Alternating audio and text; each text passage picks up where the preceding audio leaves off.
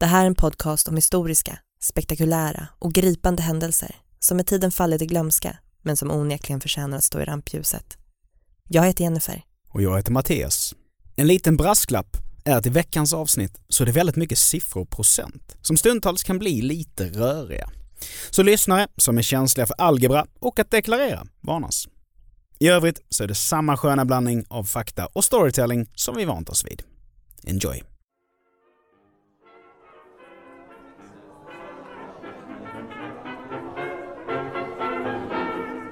The Roaring Twenties. Sex, swing och jazz. Bio, bilar och bobfrisyrer. För en gång skulle har man lite extra pengar över. Så varför inte unna sig? En del har det mycket bättre nu. Livet är lite roligare. Men, som bekant, har allt roligt ett slut. Du lyssnar på Kaos och mardrömmen på Wall Street.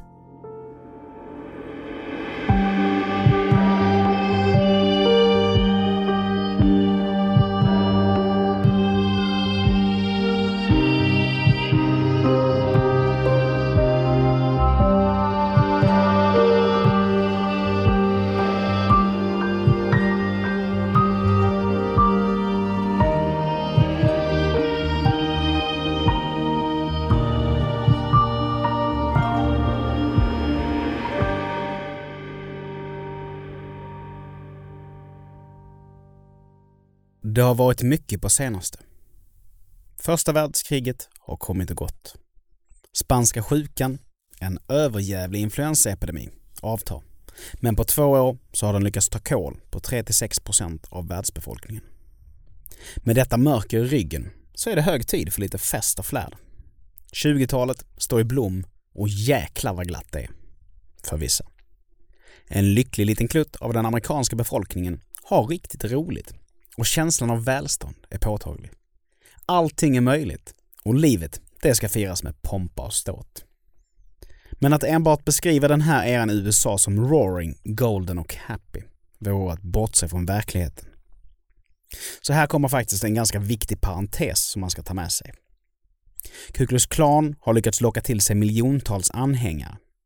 Alkoholförbud råder och varenda bar och taverna runt om i hela USA stängts ner.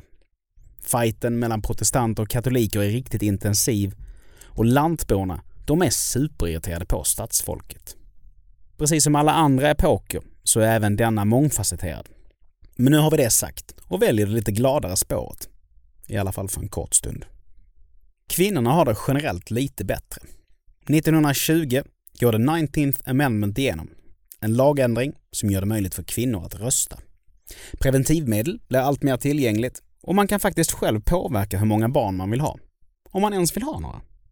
De tjänar egna pengar. Och visst, allting är ju faktiskt relativt, men de är ju friare än vad de någonsin varit. Och allra friast är de unga stadstjejerna. De klipper av sig håret, de skaffar sig jobb, de tar plats i de offentliga rummen, de röker, de svär och de mättar sina behov. Flappers kallar man dem. Den första generationen av självständiga amerikanska kvinnor. Och det här går ju liksom hand i hand med det faktum att det är högkonjunktur. För med högkonjunktur så kommer fler möjligheter. Mår ett samhälle bra, mår dess invånare bra. Och mår invånarna bra, så mår samhället bra. Och så vidare.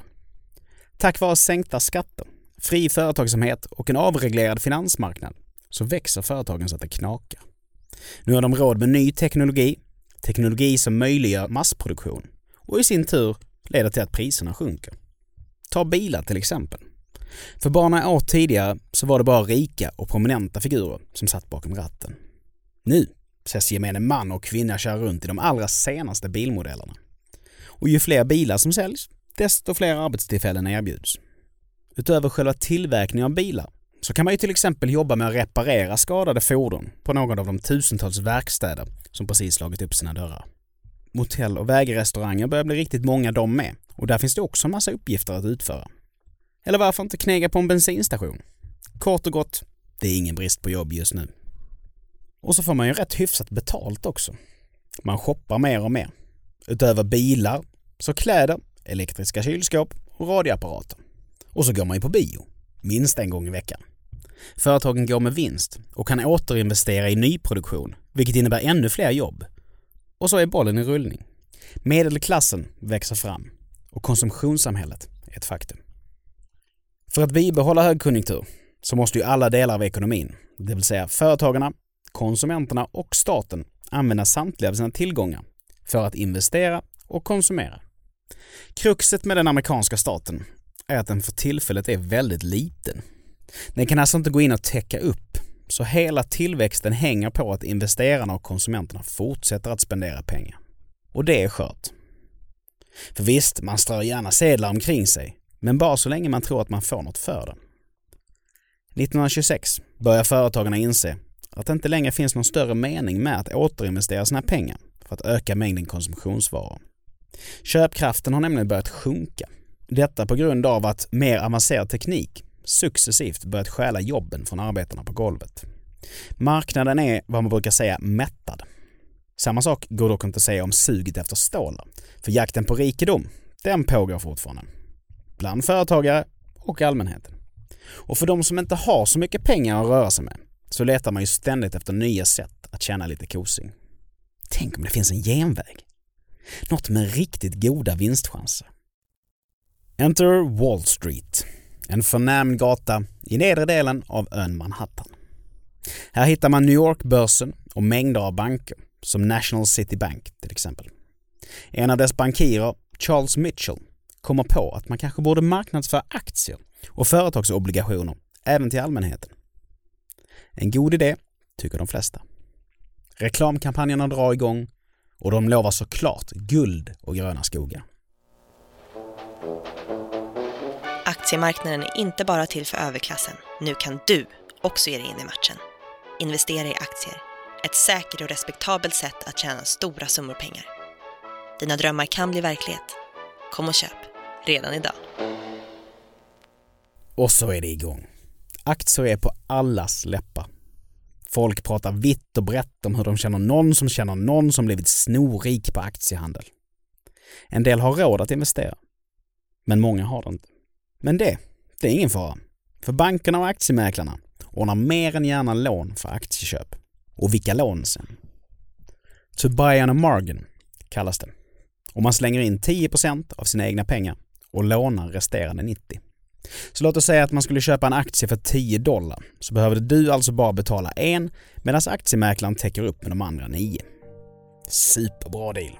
Så jäkla värt det. Så länge allt ökar i värde, så att säga.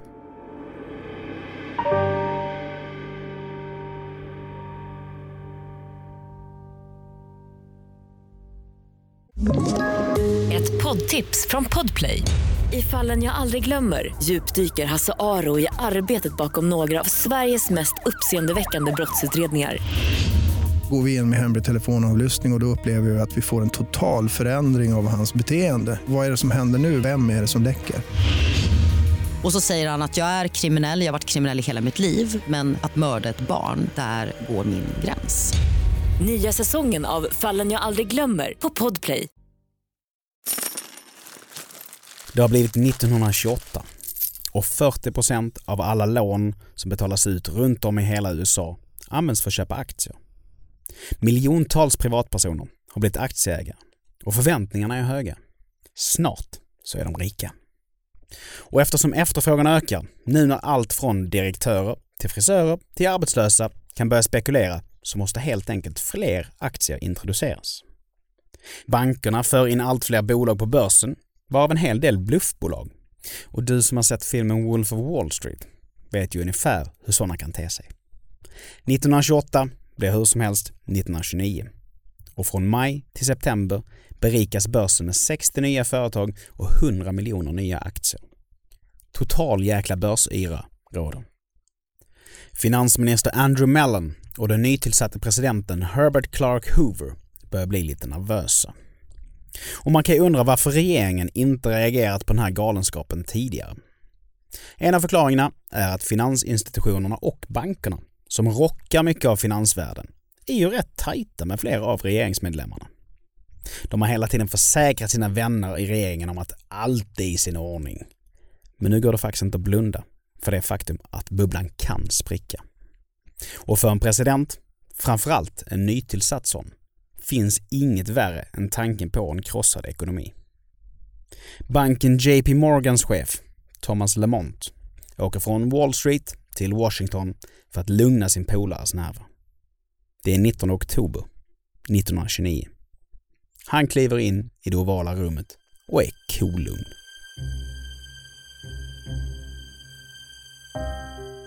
Jag kan försäkra herr president om att marknaden fungerar perfekt.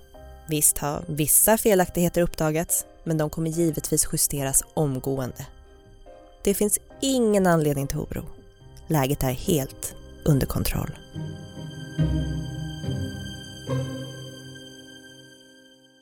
Men vilka felaktigheter är det Thomas Lamont syftar på, men som han lite arrogant viftar bort? Inte några som med enkelhet kan justeras i alla fall. Det är en sak som är säker. För de lite mer rutinerade investerarna har sakta men säkert börjat förstå att anledningen till att aktierna ökat i värde inte beror på att det går bra för det etablissemang man placerat sitt kapital i. Nej, tillväxten beror ju helt och hållet på massinvestering. Det ser ut som att det går bra, men i själva verket så är det en artificiell ökning, alltså helt utan substans. Med den insikten så skyndar sig de bättre vetande att lämna börsen. Och resultatet av det är ju att kurserna börjar dyka. Allmänheten är lyckligt ovetandes. Tills tisdagen den 22 oktober, tre dagar efter Lamonts och president Hoovers möte. New York Times och Washington Post publicerar flera artiklar om hur investerare överger börsen och dagen därpå utbryter hysteri bland aktieägarna. Folk gör sitt yttersta för att sälja och de som lånat pengar för att kunna köpa aktier drabbas nu av den smärtsamma baksidan av uppgörelsen. För ju mer aktierna minskar i värde, desto mer blir de ju skyldiga. Ja, bubblan spricker. Och håll i er nu, för satan vad det skakar. Torsdagen den 24 oktober 1929. 10 000 människor har samlats utanför New York-börsen på Wall Street. Hur går det med deras investeringar? Vad fan är det som händer? Jo, det som händer är att 13 miljoner andelar precis har sålts. Börsen har fallit med 11 procent på en enda dag. Aktierna minskar lavinartat i värde för varje sekund som går. Folkmassan börjar bli panikslagen och poliser måste tillkallas för att få ordning på kaoset. Då faller en kropp. En kropp som landat stenkast från platsen där folkhopen befinner sig. Mannen som nu ligger död på marken har kastats ut från femtonde våningen på Savoy Plaza Hotel. Men vad nu? Börjar folk ta livet av sig? Är det så illa? Rykten om att elva finansmän och spekulanter hoppat från diverse höghus på Wall Street börjar snabbt sprida sig. Men det stämmer inte. Man vet faktiskt inte ens om den man som hoppade faktiskt gjorde det på grund av de läskigt låga aktiekurserna. Jag menar, är det ens säkert att han hoppade? Han kanske föll. Hur det än ligger till med den saken så kan man inte bortse från det faktum att incidenten gör att människor blir ännu mer oroliga. Och gänget på bankerna är inget undantag. De har det riktigt hett om öronen nu. De ligger ute med mängder av lån som de räknar med att få återbetalda. Och finns det inga pengar så inga återbetalningar. Thomas Lamont, som bara några dagar tidigare hade lovat själva presidenten att allt var fine and dandy, inser nu att han och hans bank måste vidta drastiska åtgärder. Nej, vi måste köpa. Köp, köp, för guds skull köp! Det här handlar om bankens överlevnad, om våra jobb. Inte nog med det, om hela den jävla ekonomin. Städa upp nu för fan!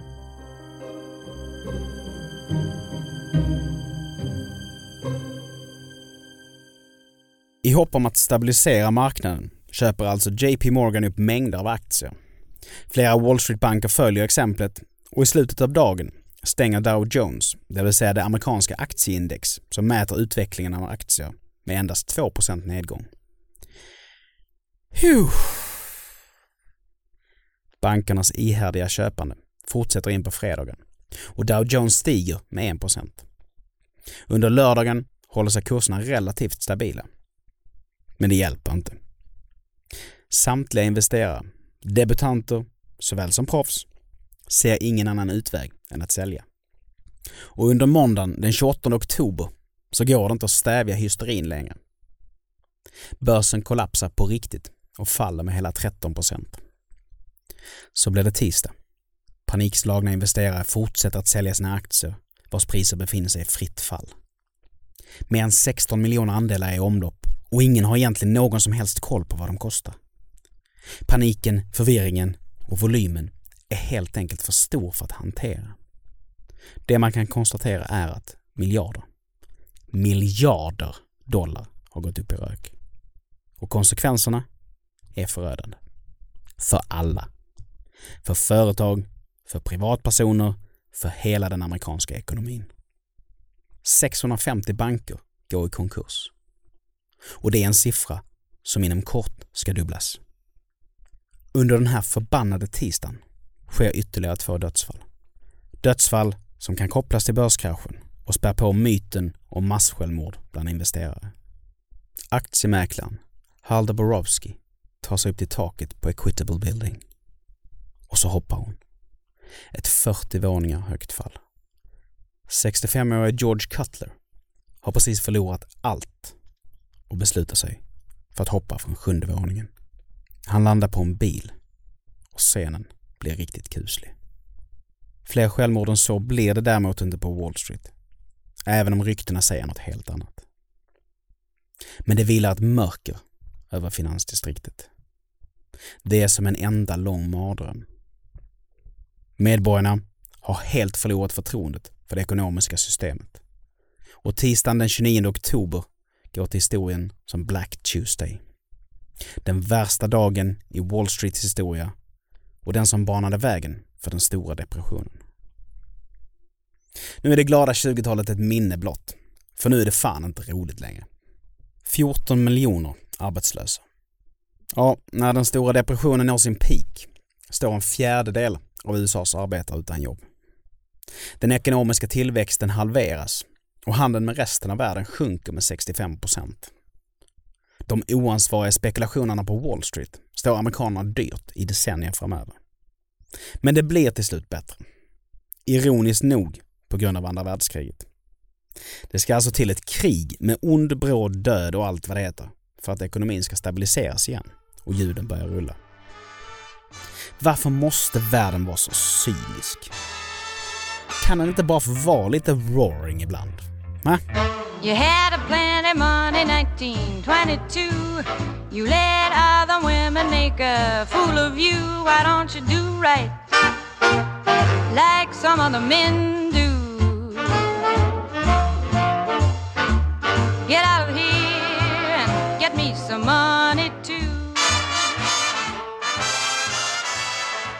Du har lyssnat på Kaos om mardrömmen på Wall Street.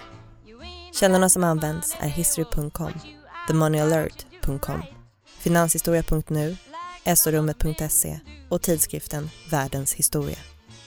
Vi som gör den här podden heter Jennifer Devard och Mattias Norgren. Nästa vecka tar vi oss till 1917 och Halifax-explosionen. Den största explosion, förutom kärnvapensprängningar, som orsakats av människan. Följ Kaos podcast på Instagram för att se bilder från fallen. Tack för att du har lyssnat.